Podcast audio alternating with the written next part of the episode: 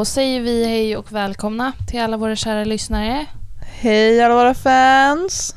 Vad roligt att ni är här igen. Ja, tisdag den April. 20 april. Ja, Ja. helt rätt. Ja. Idag är det sol och härligt väder när vi spelar in. ja. Ehm, vi sitter i mitt sovrum igen. Därav lite kastljud. Hejsan hoppsan. Kanske. Men eh, ja, ska jag berätta historien bakom? Ja men kör historien. Ja, vi hade ju då bokat in oss. Ehm, Vi hade heldag på Hel- Arena 29 idag egentligen. ja. Men då är det så att jag går en lång promenad på lördagen runt i hela Majorna och eh, tappar min plånbok som jag har nyckeln till studion i och vi har bara en nyckel till studion. Um, och jag vet inte ens att jag tappade den nyckeln förrän klockan är 14 och nej 14.15 och eh, Räddningsmissionens second hand skickade ett sms till mig och bara hej vi hittade din plånbok och jag är såhär du vet i stunden jag bara ah, vadå? eller såhär och så sa de så här ah, du kan komma och hämta den om en vecka liksom för Ja, att vi har bara öppet 11 till 14 På lördagar. Perfekt. Ja, men först var jag så här, ja det spelar ingen roll, jag ska inte köpa någonting typ. Nej. Men sen så började jag tänka på vad, har jag mer i den där plånboken? Och så var fan, jag kommer inte komma in imorgon och så Ja. Så vi gjorde... eh, ännu lite- en gång så är det jag och nyckeln som har satt eh, käppar i hjulet för oss. Vi borde ju skaffa oss en nyckel till. Ja. Det borde vi. Men eh, det är ett senare projekt, helt Ja. enkelt. Ehm, så eh, nu är vi här helt enkelt. ja, det är Ja. ändå ganska trevligt tycker jag. Ja, men det får jag säga. det här rummet, ganska trevligt. Ganska trevligt. Väldigt trevligt. Hur är läget idag då? Vad har du gjort idag? Vad har du gjort i veckan? Det är bra med mig just nu. Min dag började lite så här eh, för att jag var hemma hos Lovisa till klockan två typ igår. Och eh, så bara, jag kom hem och somnade med smink på och utan tänderna och så vaknade jag och bara inte en bra start på dagen. Och sen så typ nu vet när man bara har en sån dag när allting går fel och jag bara klämde mitt jävla finger i en dörr och jag övningskörde och det gick bra först men sen så gick det skit och sen så bara fan. Men sen träffade jag dig och så var det sol och så nu är jag glad igen. Och då löste sig allt. Perfekt. Vad fan har jag gjort i veckan? Jag har eh, karantänat. Ja, just det. Men nu är du fri. Jag är fri. Så jag har bra. gått jävligt mycket. Jag gick 15 000 steg med Filippa i onsdags. Jävlar. jag gick ut för första gången sen jag hamnade i karantän och går 15 000 steg. Det är jävligt bra ju. Ja. Jag har gjort eh, absolut ingenting idag. Ehm, jag eh, börjar bli på den nivån nu att alltså så här på helgen då har jag liksom alltid alltså då finns det inga poddar att lyssna på för jag har redan lyssnat klart på allt då från veckan Mm. liksom.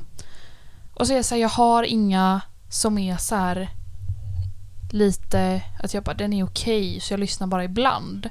Ja, Utan jag bara jag har inget nu. Ja. Så jag börjar lyssna på så konstiga grejer. Så idag har jag lyssnat på så här två avsnitt av Värv... Var, vad heter? Värvet? Ah, han eh, som intervjuar folk. Ja, han som intervjuar folk. Ja. Eh, när Happy Ankell var där. Jag bara kände att så här, herregud, hur kan man vara så, alltså hur kan man vara så där? Nej men att så här, jag började lyssna på så konstiga grejer. Ehm, så det gjorde jag eh, och sen så träffades vi då. Och det var bra. Det var bra. Eh, annars vet jag inte, jag har inte gjort så mycket. Jag har varit hemma mycket den här veckan. Jag, bara, jag var bara i skolan i onsdags. För de håller på hela tiden och så ändrar systemet. Först hade vi ju Ja. så här eh, att man fick vara i skolan de dagarna man hade ensemble. Mm. Eh, och det gick ju skitbra för mig då för att jag var ju nöjd att jag fick komma in de dagarna. Men samtidigt så är det ju folk i klassen som typ inte eh, fick åka in någon dag alls då för att det var så här nej den läraren ställer in ensemblen för att den är coronarädd typ. Och då får man Mhm. inte åka in någon dag alls och då blir det väldigt orättvist. Mm. Eh, att det blev bara väldigt bra för vissa och inte för andra. Ja. Så då ändrade de system och då fick man vara där var tredje dag istället. Mhm. Eh, så då var jag där i onsdags. Men så har hela Hvitfeldtska eller? Ja, och, då, Ja. och så fick vi det också nu och det var så mycket angående det. Vi, alltså, ja, Hvitfeldtska har haft det innan men nu... Men inte vi då. Och, och så blev vi så arga. Vi bara Våran musikundervisning blir drabbad av det här. Och du vet så här, folk började lista så här, så här många musiktimmar har jag missat under min gymnasietid. Vi gjorde namninsamlingar, vi drog Åh, ihop massa grejer, hade möten med rektorn. Oj, och du var med på möte med rektorn? Nej, Rebecka var på möte med rektorn. Ja. Jag bara chillade. Såklart. Ehm, och sen så blev det ju då lite förändring så att nu så är det ändrat upplägg igen. Så att Mhm. nu ska är jag... Nu är alla på skolan på måndagar och sen alla andra dagar då är det två grupper och då är man där varannan dag. Mm. Så alla får liksom tre dagar i veckan i skolan. Men gud du är där mycket. Ja. Alltså jag är där Ja. varannan vecka är där på torsdagar och varannan vecka är där på fredagar. Yes, vissa har det bättre än andra som man brukar Men säga. alltså jag lider ju inte av det lika mycket som esteterna. Skulle jag säga. Men du har Perfekt. ändå kontakt med rektorn. Har jag hört talas om. Ja, men det är den andra rektorn. Det är den andra rektorn. Mikael Hur går det med skoltidningen? Jo, men det går ganska bra. Eh, det är då jag och Sigrid som försöker dra igång Hvitfeldtskas skoltidning nu då. Men har ni Ehm. bytt namn på den? Ja, Ja. nu heter den här, tidningen Lyran. ja. Jag tänkte det är det. lite bättre namn. eh, Mm, om det var bra. Virran typ innan. Eh, Vittsnurran. Vittsnurran. Och Det var ju bara så här, för du vet jag mejlade ju till rektorn och han Ja. var så här Tidningen hette tidigare Vittsnurran. Det är bra om ni tar vid det. Så vi bara okej då, vi kör väl det. Och sen när vi hade möte med kåren, de bara ah, kör, kör på Lyran. Det, de som hade tidningen precis innan er, de hette också Lyran. Så kör på det. Jaha, men vadå? han är ju bara lite efter typ. Ja, ja. så här, ja. Nej men så det går ganska bra. Vi har annonserat för att folk ska söka och sånt nu Och det gör folk? posten. eller? Och det är ändå lite folk som har sökt. Men lyssnar du just nu, går på Hvitfeldtska, så sök. Ja. Perfekt. Ja, ja, Men då ja. kör vi igång. Ja, men då så. Vad har hänt egentligen sen sist vi spelade in, kan man undra. Ja. Eh, det är mycket angående marknadshyrorna som har cirkulerat på Instagram Ja. senaste veckan. Är du insatt? Ehm, alltså, ja, jag delade den här grejen. Det är det jag har läst. Jag har läst på Doris Kaplas story. Yes, Och bara- out. Fan, Ja, verkligen. höj inte. Men, ehm, ja, vad ska man säga? Jag vet inte ens vad det finns att säga. Ehm, De vill höja hyrorna, eller hyrorna kommer höjas för att typ de tar bort att de som äger hyresrätterna inte behöver ha en dialog med de som bor där typ. ja, Är det jag jag tror det var fattat? det som var grejen. Så det är då från första juli i år som eh, hyrorna höjs. Ehm, ja. Ehm, Gud nu fick jag så här flashback för att i, på Pennygången där jag bor, mm, där så var det ju en sån grej eh, inte just med marknadshyror kanske, jag vet faktiskt inte. Jag var så liten då. Men det var ju att de skulle höja hyrorna väldigt mycket för att de renoverade.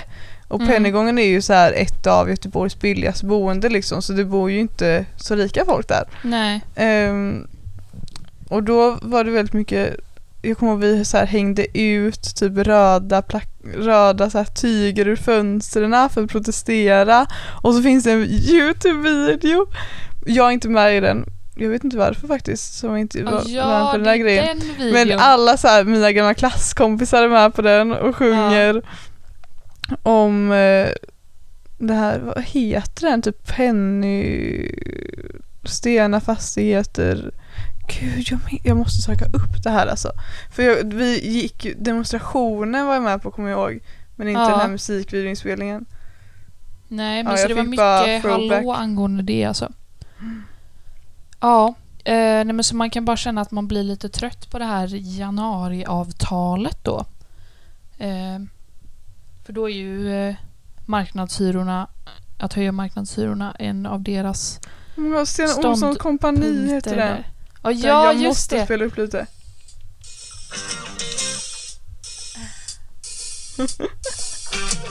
Säg vet ni vem som har en gungande fregatt? Vem ger dig husrum både dag och natt? Vem höjer hyrorna så att Det kostar skjortan för en liten Just Stena Olssons kompani. Stena Olssons kompani. Ja du, det är en hit alltså. Ja, faktiskt. Inte Manfred med i den videon? Industri. Jo, hans pappa sjöng precis.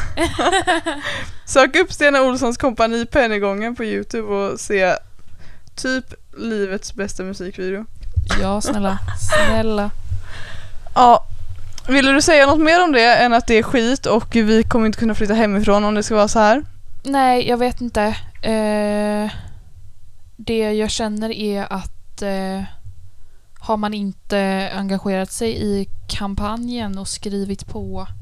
Det är någonting idag också. Ja, det är demonstration idag. Ja, men jag kommer ihåg att jag visste att det var någonting men att jag visste att vi skulle göra det här så jag var så här, ja, kollade inte upp det. Nej, Ehm, ja, men, Men- det är ju för sent nu. skriv på i alla fall. Ja, skriv på den här grejen. Yes, Eh, vi kanske kan länka den i vår bio. det kan vi göra. Absolut. Eh, jingel? Jingel. Ja. Ja. Ehm, gud, nu känns det som att jag pratar om henne i varje jävla avsnitt men nu ska jag inte prata om just henne utan en grej som Ja, hon här Madeleine som jag pratade om i förra, jag bara nämnde henne fort för att hon hade gett mig in på Aida-grejen. Yes. Eh, ja, jag följer henne som sagt och jag tycker hon är väldigt cool och bra och sådär.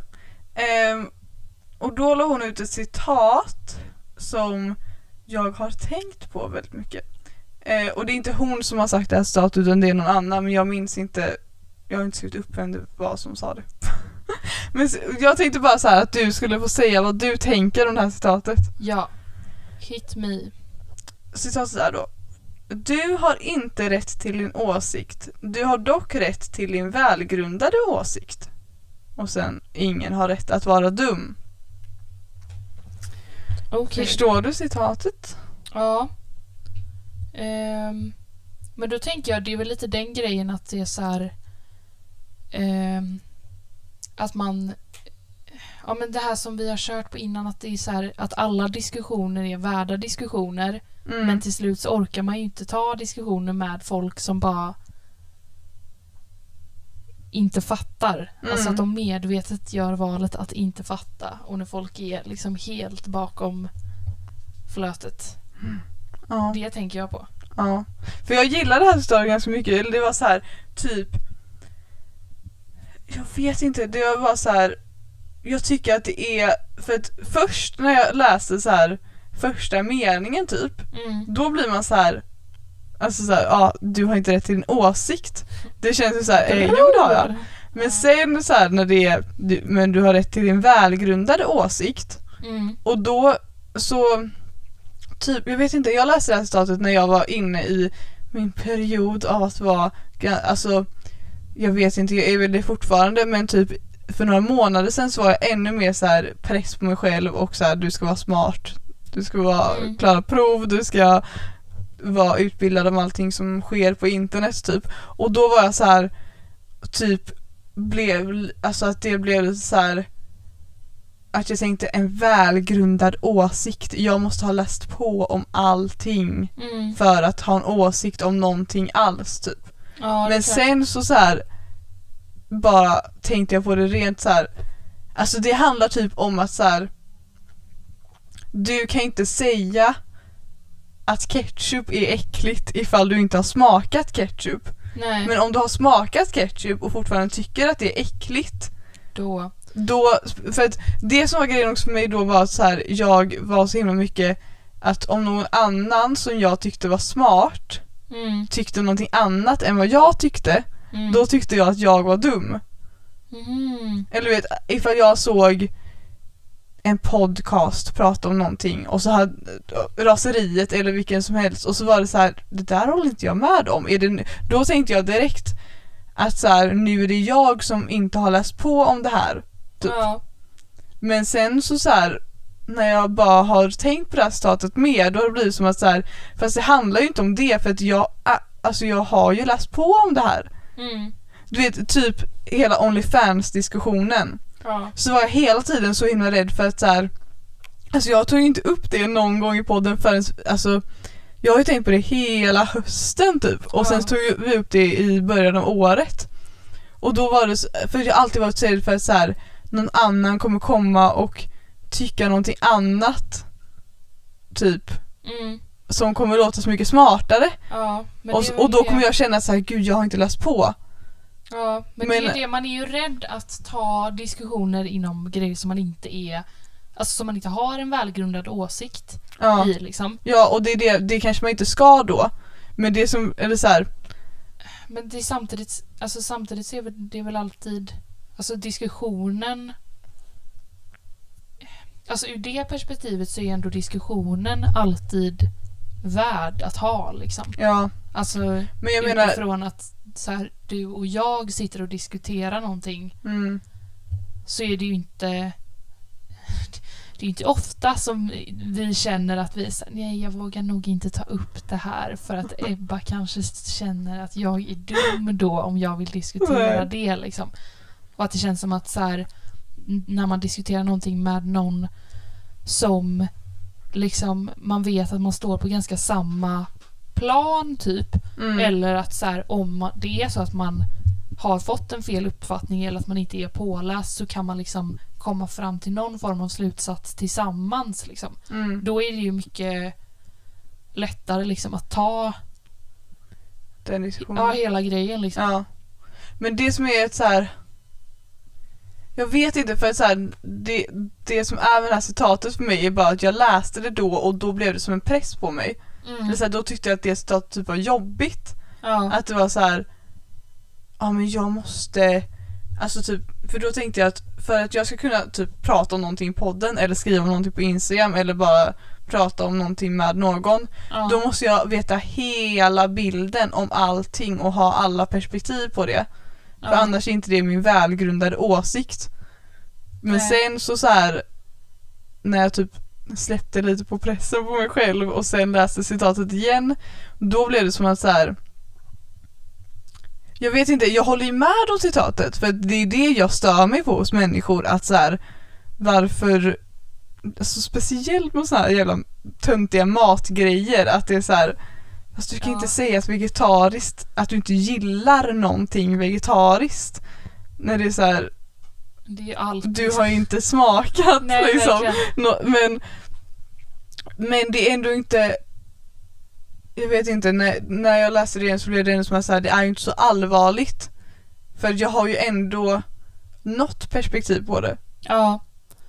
Det, det som är grejen är ju bara att alltså jag tycker att det är bra, bra citat att tänka på att så här. Alltså just när man har en podd eller vad man säger, det är inte som att vi har en stor podd eller så men det, jag tänker ändå på det som vi säger i podden för att det är, så här, Ja. det, är det som går ut liksom av en. Att man inte pratar om saker som man inte har tänkt på alls innan typ. ja. Fattar du? Precis. Ändå, alltså i alla fall Eller om- när det är som att så här, det är typ, det är ju inte bara att vi sitter och flummar äh, och så här kör sketcher utan det är liksom ändå att vi är så här, okej, ska vi ta det här samtalsämnet nu? Mm. Liksom. Ja, men speciellt, alltså så här, det är klart för att det beror ju på också vilken ingång man har till ett samtal. Alltså det är Ja. det som blir också att ifall jag inte har en välgrundad åsikt i någonting då kanske man, alltså ifall du typ tar upp någonting i podden eller vad man Ja. Eller någon annan tar upp någonting i vanliga livet och så har man inte en välgrundad åsikt till det då måste man ju ha mer inställningen att nu ska jag lära mig om det här. Mm. Alltså typ också så här vita människor måste ha den inställningen när de när svarta pratar om rasism för att så här det är det att vita måste då fatta att jag har ju ingen välgrundad Nej, åsikt i det precis. här riktigt för att jag har inte upplevt det. Eller åsikt blir fel men så här välgrundad upplevelse eller vad man ska säga. Ja. Ehm, Ja, jag vet inte. Att då... Gud, nu blir det flummigt. Men att alltså det här citatet blir som att så här, jag, ifall jag har en välgrundad åsikt, ja. då kan jag ju gå in i det som att så här, nu ska jag beskriva det här och beskriva vad jag tycker om det för dig här i podden, typ. ja. Sådär, men ifall jag inte har välgrundad åsikt då kan jag ju inte gå in med den inställningen att jag vet bäst. Nej. Nej, men det är väl också det att så här. Det är ju likt liksom eh, hela grejen med så här, tolkningsföreträde. Mm, Men jag tänker ändå att så här, det är olika saker. mm, Att så här, det är klart att vi kan prata om saker som vi inte har tolkningsföreträde i ja, eh, och ändå förmedla någonting eller få ut någonting av det. mm, Men ändå att det är så här. Alltså det är ju som att man får någon form av företräde när man har en välgrundad åsikt. mm. Att annars är det ju inte, det är inte värt att diskutera.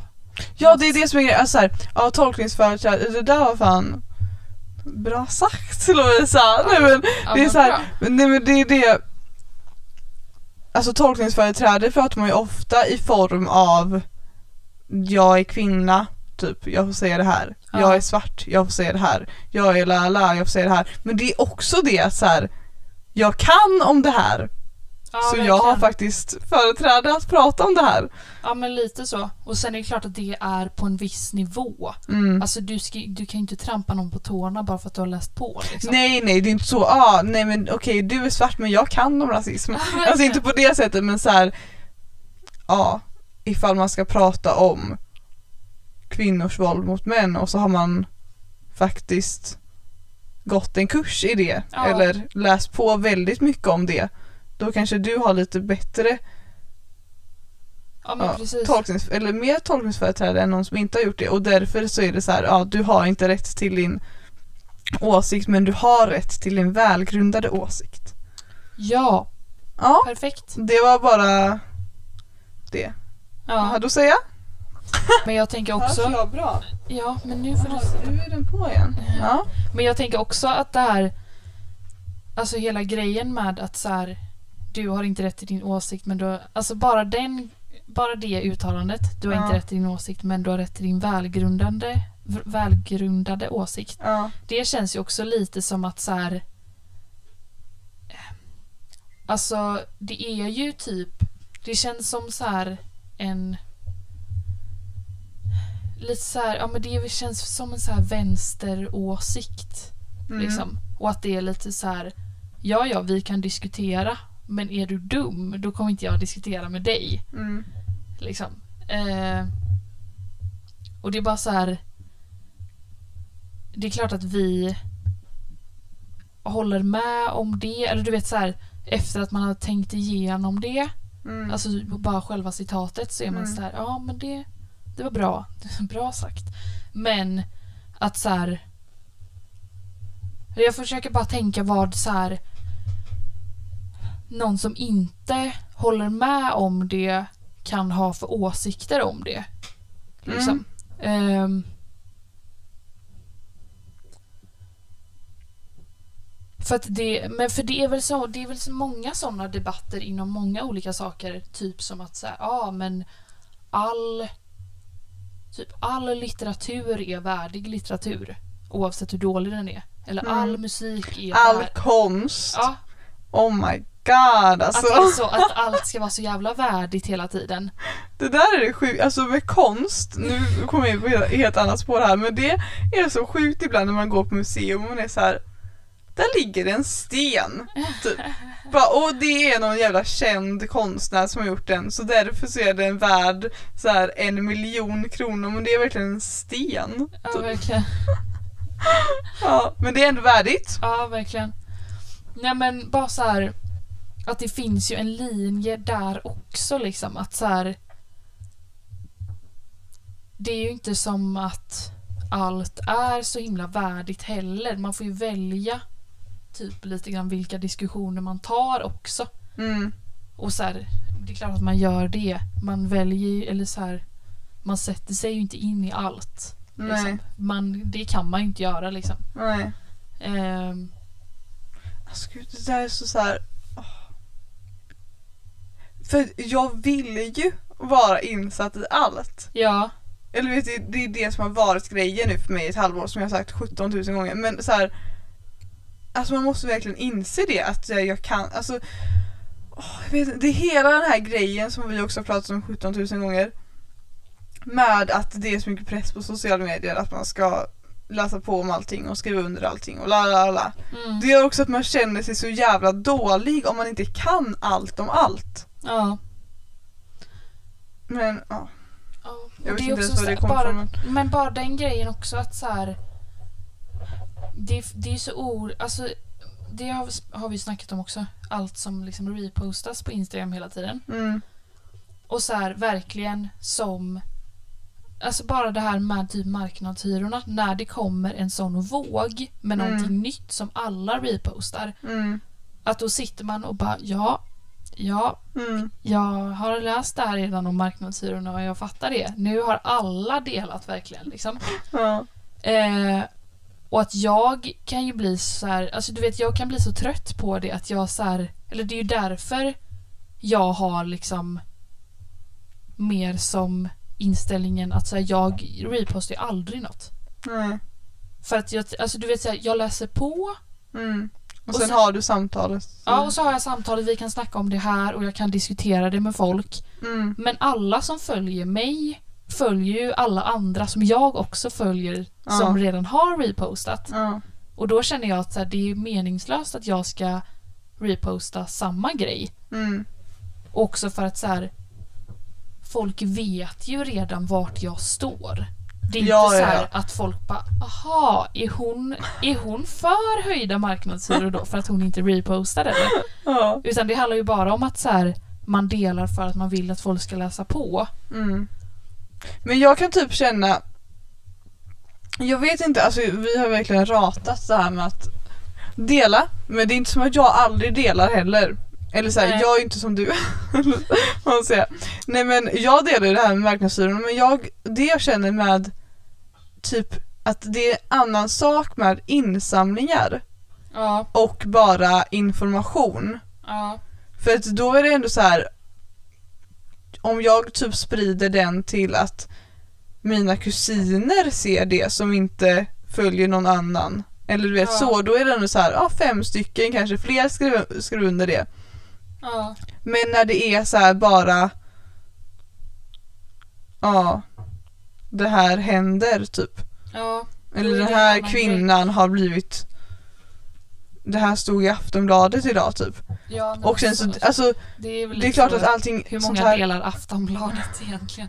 Men alltså, det är klart att det är en skillnad men jag tänker bara att så här, det är inte så många som följer mig som kommer från andra kretsar än våra Nej. kretsar. Ja, Jag har liksom inte så här kusiner i andra kretsar ens utan de är ju fan här liksom. ja, Så de har ju redan sett det. Och jag vet inte, det kanske är dumt att tänka så men jag vet inte, det, känns, det blir ju alltid bara ett sånt jävla överflöd ja, av de här jävla delningarna. ja det blir det ju alltid. Och att så här, alltså de gångerna jag delar, då är det ju så här om jag har hittat, alltså du så här, om man hittar typ en organisation som bara okej, vi har den här kampanjen typ, eller vi den här dagen Mm, så gör vi det här och det här, mm, typ. Och att ingen annan har delat. mm, Då kan jag ju dela. mm, För så tänker jag så här, ja men det är ändå typ 800 personer som kommer ha chans att se det här istället för att det bara är jag. mm, Men är det liksom något som, alltså det känns lite så här. jag vet inte, blir, den här informationen blir lite så här mainstream typ på Instagram. Det är Ja. också så här sjukt. ja. I understand you. Jag bara så här, för mig själv så är det så här, det, jag delar hellre insamlingar liksom. Ja.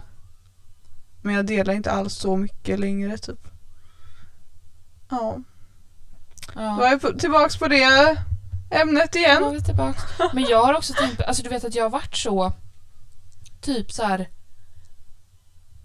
Jag vet inte när det har varit så här eh, grejer som har delats med typ så här statistik angående någonting eller typ eh, jag vet inte, något så här de här går ut med det här och så att jag är lite så här det här skulle man typ dela. Att jag Ja. känner att det, att det är lättare att jag ska dela det på vänstervridets Instagram än Mm. att jag ska dela det på min egen Instagram. Mm.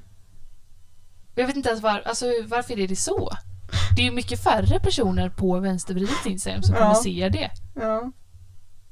Så det är ju skitkonstigt. Men typ så här, om det är någon insamling eller något. Men Men det är typ, Alltså, men jag tänker typ att det är lite grann för att de som följer vänstervridets Instagram är... Alltså uppenbarligen så är de ju lite engagerade eftersom att de följer oss på Instagram och förmodligen lyssnar på oss när vi sitter här och snackar varje vecka mm, om typ sådana grejer. ja. Och då är det typ större chans att det är Mm, fler ja. av dem som skriver på eller fler av dem som... det känns också så här lite mer du vet, we make a stand. Eller Ja. du vet så här, nu lägger vi ut det här. Mm. Vi står för det här. Eller du vet. Jag vet inte. Jag känner också så att så här, nu delar vi inte så himla mycket på vänstervridet heller. Men så här. När man väl delar där eller när man väl delar på sin egen Instagram då blir det ännu mer så här. Det här står vi som vänstervridet för. Men det är inte heller som att vi diskuterar det och bara får jag lägga ut det här Nej. Utan det, vi bara kör. Men ja, ändå en spaning alltså. Ja. Det får jag säga. Ingen? Hejsan, låt oss lustiga vara. Ja. Ehm, I brist på saker att prata om så kom jag på att jag för väldigt många veckor sedan la ut på och höll på med att ni skulle tycka till om vad ni gillade med podden och vad, vad ni tyckte vi skulle prata om. Lala. Och då frågade jag ifall ni var intresserade av psykologi. För att jag är så himla intresserad av det. Eh, och då var det faktiskt majoriteten som sa ja. Ehm, så då tänkte jag prata lite om det. Om Gör något så. som vi pratade om igår. Och som du Just och det. Mira tyckte var väldigt intressant. Ehm, och jag tänker att det kan vara intressant för alla som antagligen är tonåringar också som lyssnar. Ehm, att så här då. Det handlar om identitet. Och eh, grejen är att det finns, alltså allting inom psykologi är ju typ teorier. Så att det är Mm. så här, det finns inte fakta på att det är så här för att det går typ inte att ha fakta på sånt här utan det är bara folk som har analyserat människor och sagt så här tror jag att det är och andra människor som har sagt åh det där känner jag igen mig i och så har det blivit en känd teori. Eh, så Erik H Eriksson han har en teori om att det finns åtta olika åldrar eller faser eller vad man ska säga perioder av vårt liv och varje period har har man en speciell uppgift i som eh, om man klarar den uppgiften då har man lättare för att klara den nästa uppgift i nästa eh, fas. Och till exempel då är att när man är 19 till 30 så är eh, så kallas uppgiften för närhet kontra isolering vilket betyder typ att man ska hitta någon att vara med antingen en partner eller en nära vän eller så men ofta är det ju en partner Um, annars så isolerar man sig själv och blir ensam. Um, och för att sen, så då, då när man är 30 till 50, då handlar uppgiften om produktivitet kontra stillastående. Och det handlar om att man ska fortsätta ha ett socialt liv och sådär. Och då är den uppgiften enklare att klara av om man till exempel träffade någon i fasen innan och fick barn då är det lättare att ha ett aktivt liv sen i 30 till 50 och klara av att hålla uppe produktiviteten och inte bli stillastående. Ja. Men det som är vår uppgift då just nu Lovisa, när ja. man är 13 till 18 år, det är att man ska hitta en identitet, annars blir det splittring. Hmm. Och hur skapas då identiteten? Det kan man undra. Det är så att vi alla människor har väldigt mycket olika roller i våra liv som alla kan känna igen sig i. Man är mamma, man är syster, man är vän. Ja, vi, alla, vi kanske inte är så mycket mammor nu i vår ålder men man är i alla fall kanske arbetskollega, klasskamrat, partner, la la la la la. Och så har vi också en massa olika värderingar. Ehm, och det, fin- alltså det är jättemycket som ingår i identitet, inte bara det som jag nämner nu, men värderingar och våra olika värderingar och våra olika roller är en stor del av vår identitet. Och det är typ det som vi ska, som är vår uppgift att föra samman under tonårstiden mellan 13 och 18 då. Att vi ska ja, men få ihop alla våra olika roller och så här Alltså att det ska, att vi ska bli en och samma människa. Jaha. Eh, och skapa en liksom, för att det som, när man har en känsla av identitet, en känsla av vem man är, Mm. då är det att jag kan kolla tillbaka på mig själv för fem år sedan i alla olika typer av situationer Mm. och känna igen mig i det och tänka ja ah, men ungefär så skulle jag ha gjort idag också. Mm. Och jag kan också tänka på framtiden och se kommande situationer och veta ja men jag kommer typ göra så här i den här situationen. Okej. Det är ju att ha liksom en känsla för att ha en stabil identitet Mm. och lite så här självinsikt typ. Mm. Handlar ju det om.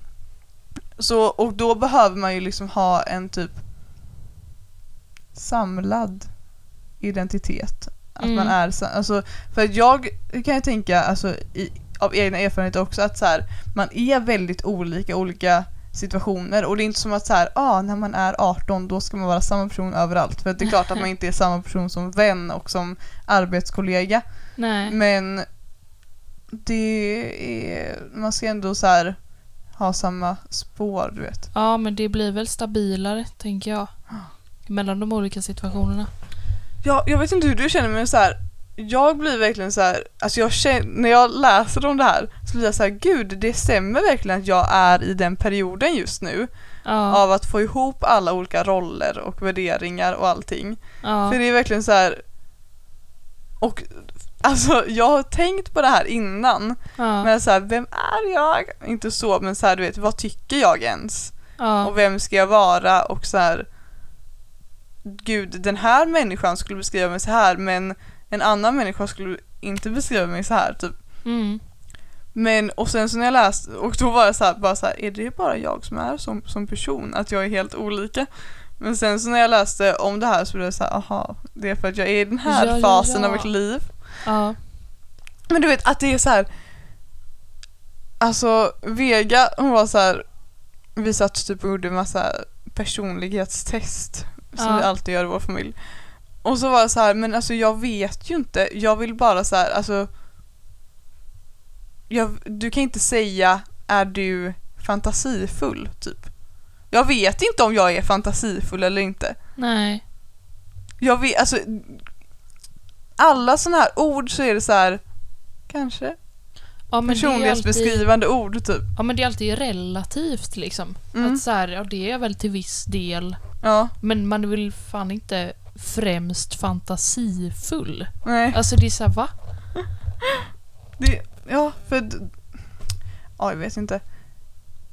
Jag har bara tänkt på det mycket med så här just egenskapsord typ. Mm. Att det är så här, typ vad ska man skriva på sitt CV? Ja, jag är typ lösningsorienterad ifall det är bland mina vänner. Så här, jag är den som, nu gör vi det här. Make this happen. Ja, men det Ja. är inte på ett jobb typ. Nej.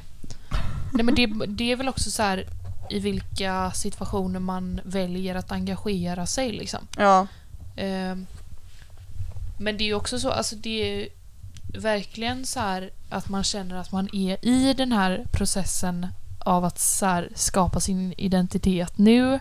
Mm. När det är så här, alltså det är ju verkligen inte att man kan kolla tillbaka några år och känna ja, ah, precis så där skulle jag gjort nu också. Nej. Alltså fy fan. Absolut inte. Men samtidigt är det väl mer så här att det är klart att man nu känner att så här ja, men skulle det hända mig i framtiden då skulle jag väl reagera så här eller jag skulle göra så här. Men Mm. det är väl för att man är så som person nu. Mm. Liksom. Så det är väl mer att man så utvecklas framåt Ja. och att det i framtiden kommer vara den här tiden som man kollar tillbaka på och bara, ah, okej. Men jag skulle ändå reagera ganska likt som jag gjorde Ja. när jag var 18. Typ. Mm. Ja, och sen det är ju såklart inte så här.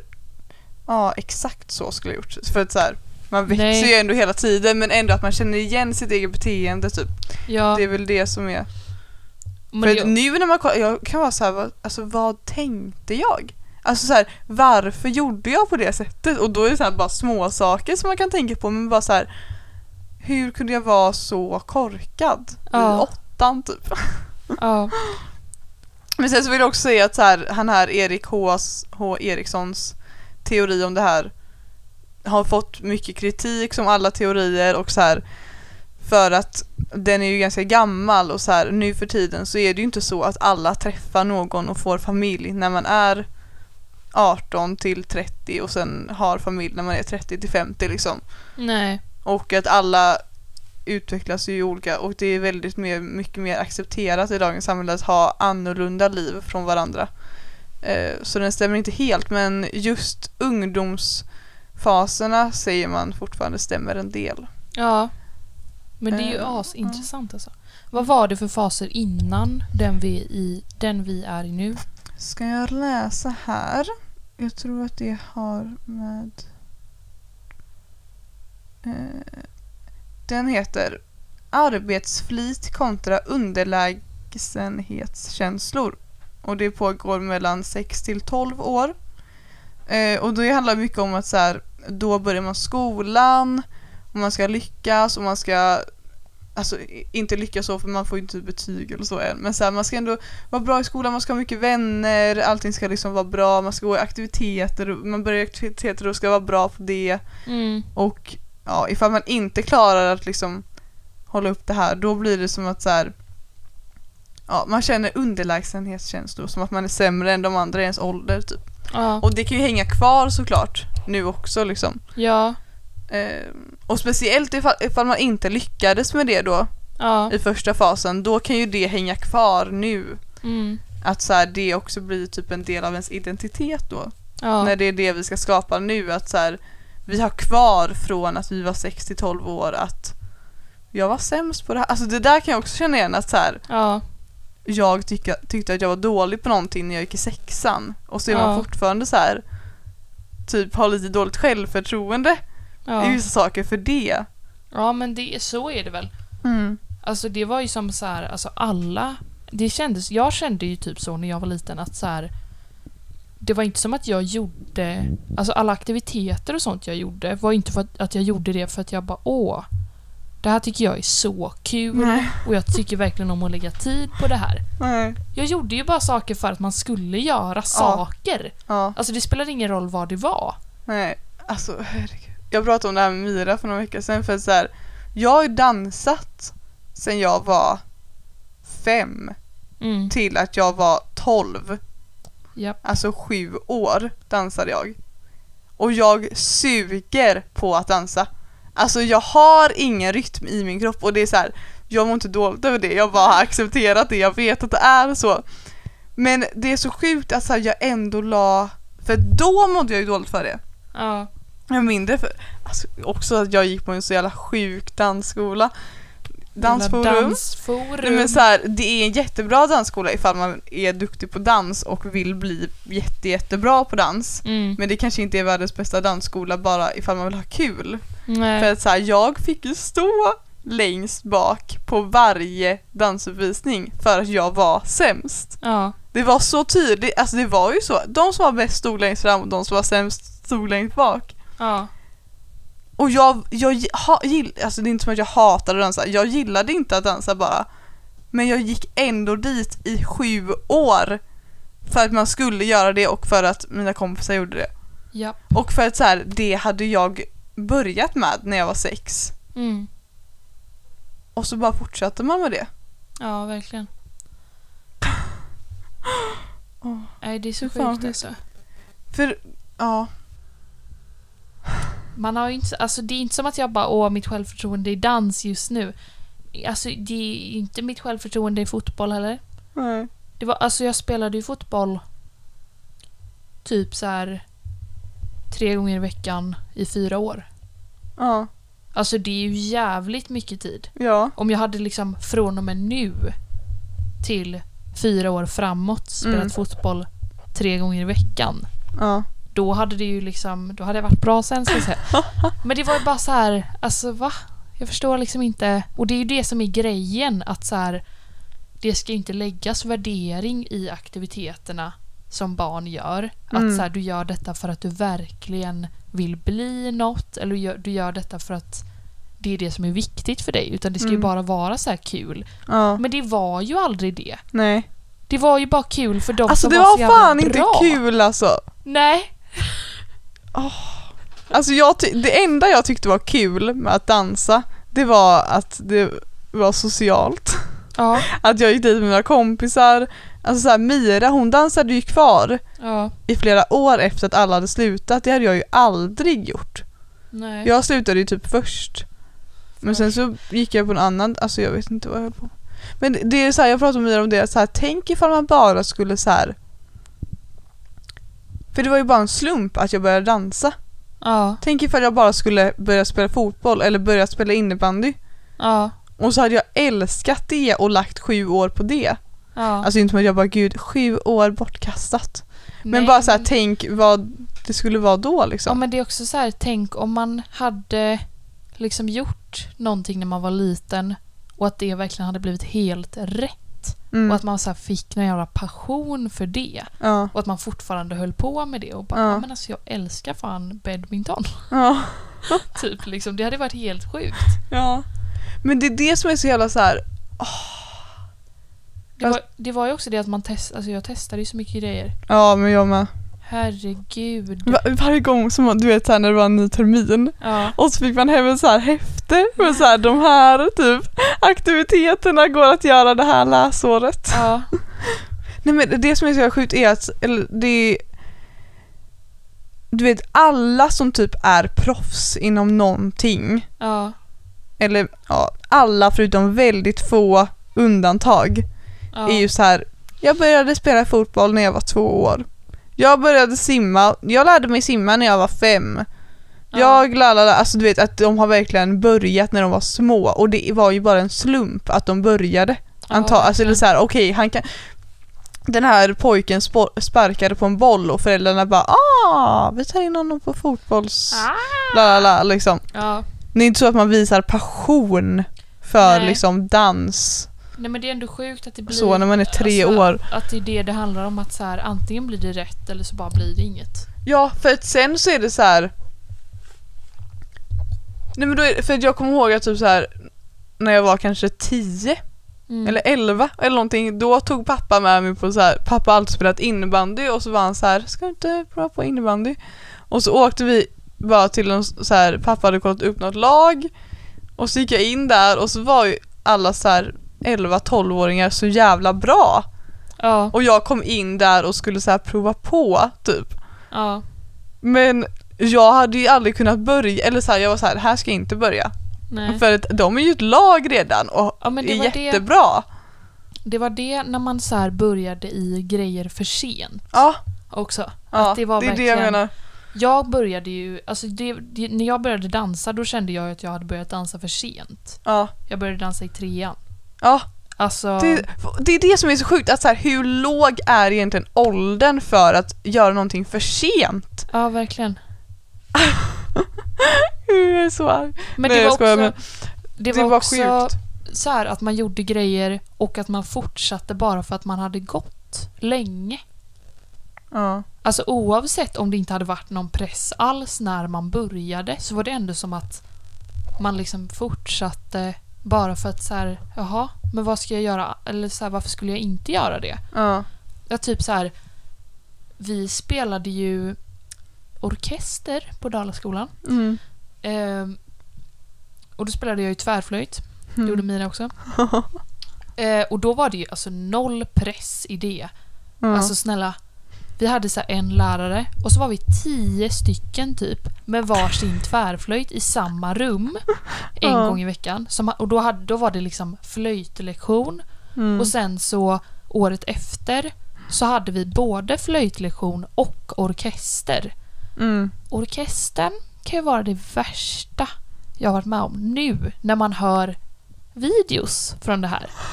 Och bara, varför tog ni in 50 stycken 11-åringar med instrument i aulan? Alltså om jag får fråga. Och du vet att det är så här, nej.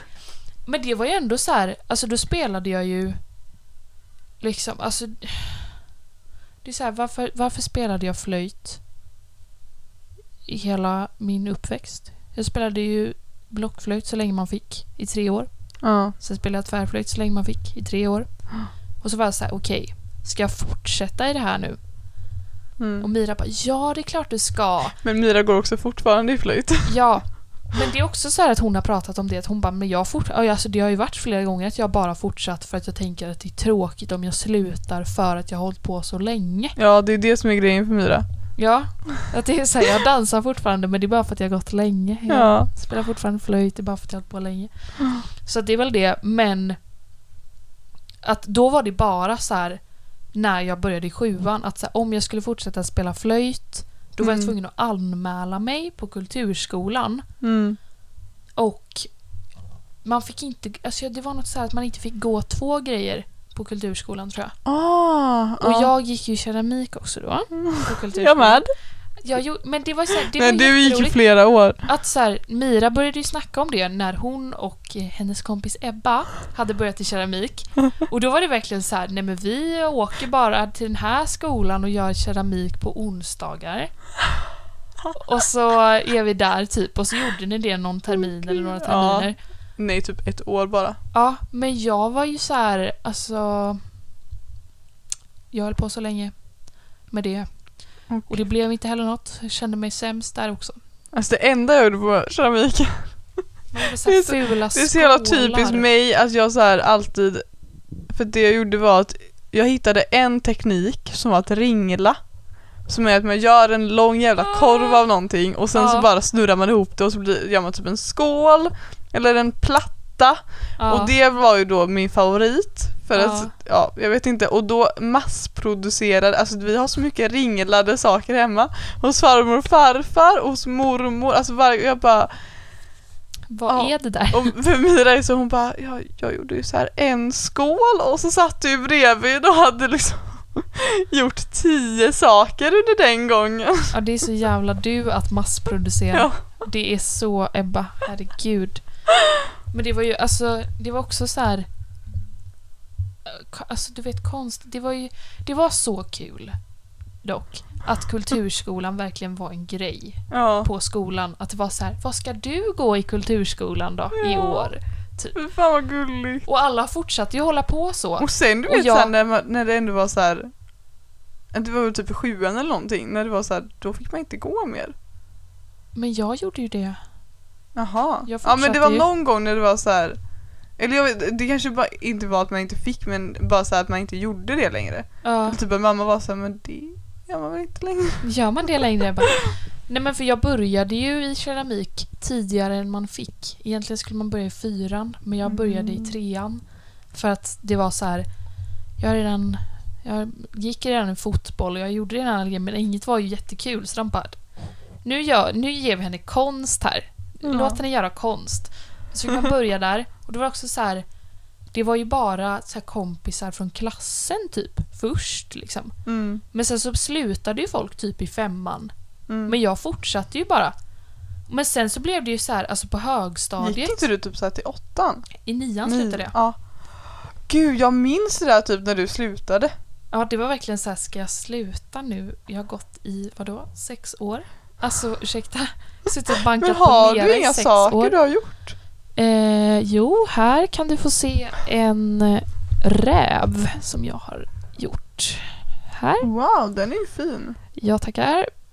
Eh, ja. Inget jag massproducerade utan det är typ den jag har gjort.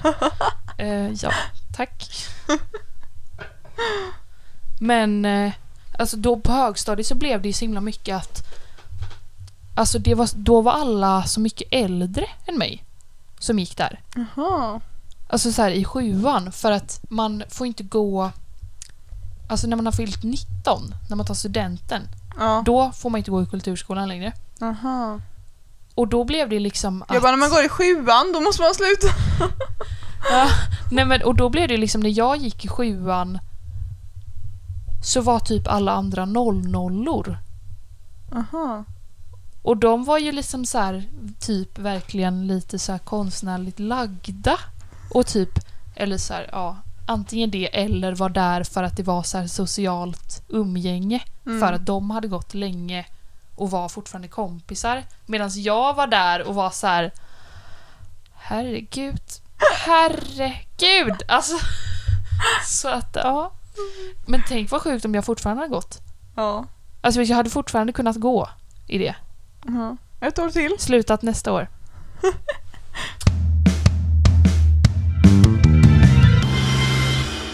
Hallå? Hon som vi träffade på MR som börjat följa oss. Va? Ja! Oh my Hon är typ, hon tatuerad. Ja, nu eh, är det dags att avsluta veckans avsnitt. Det är farväl. Det är farväl. Har du några sista välvalda ord att säga? Ehm, njut av solen hörrni. Är min stående uppmaning till alla. Absolut. Ehm, ja, skriv jättegärna ifall, alltså jätte, jättegärna ifall ni typ vill gästa eller ifall ni har ämnen eller vad som helst. Så roligt. Ehm, ja, och håll utkik på vår Instagram. för det, För det kommer roliga saker. vi har så roliga grejer på G. Väldigt mycket roligt. Um, ska vi köra en annonsering ifall någon är kulturarbetare? Ska vi göra det? Ja, okej så här. Ifall ni typ dansar eller skriver dikter eller sjunger eller gör någonting annat som har med kultur att göra ehm, så får ni jättegärna höra av er till oss. Det är lite hemligt hemligt så vi kommer inte avslöja så mycket men ifall du hör av dig till oss och är genuint intresserade med betoning på genuint. Och då genuint intresserad av att samarbeta med oss också. Ja. Ehm, så hör av dig! Ja. Har du några välvalda ord sista? Peace and love, motherfuckers. Puss och kram. Puss and cream. Hej då. Hejdå.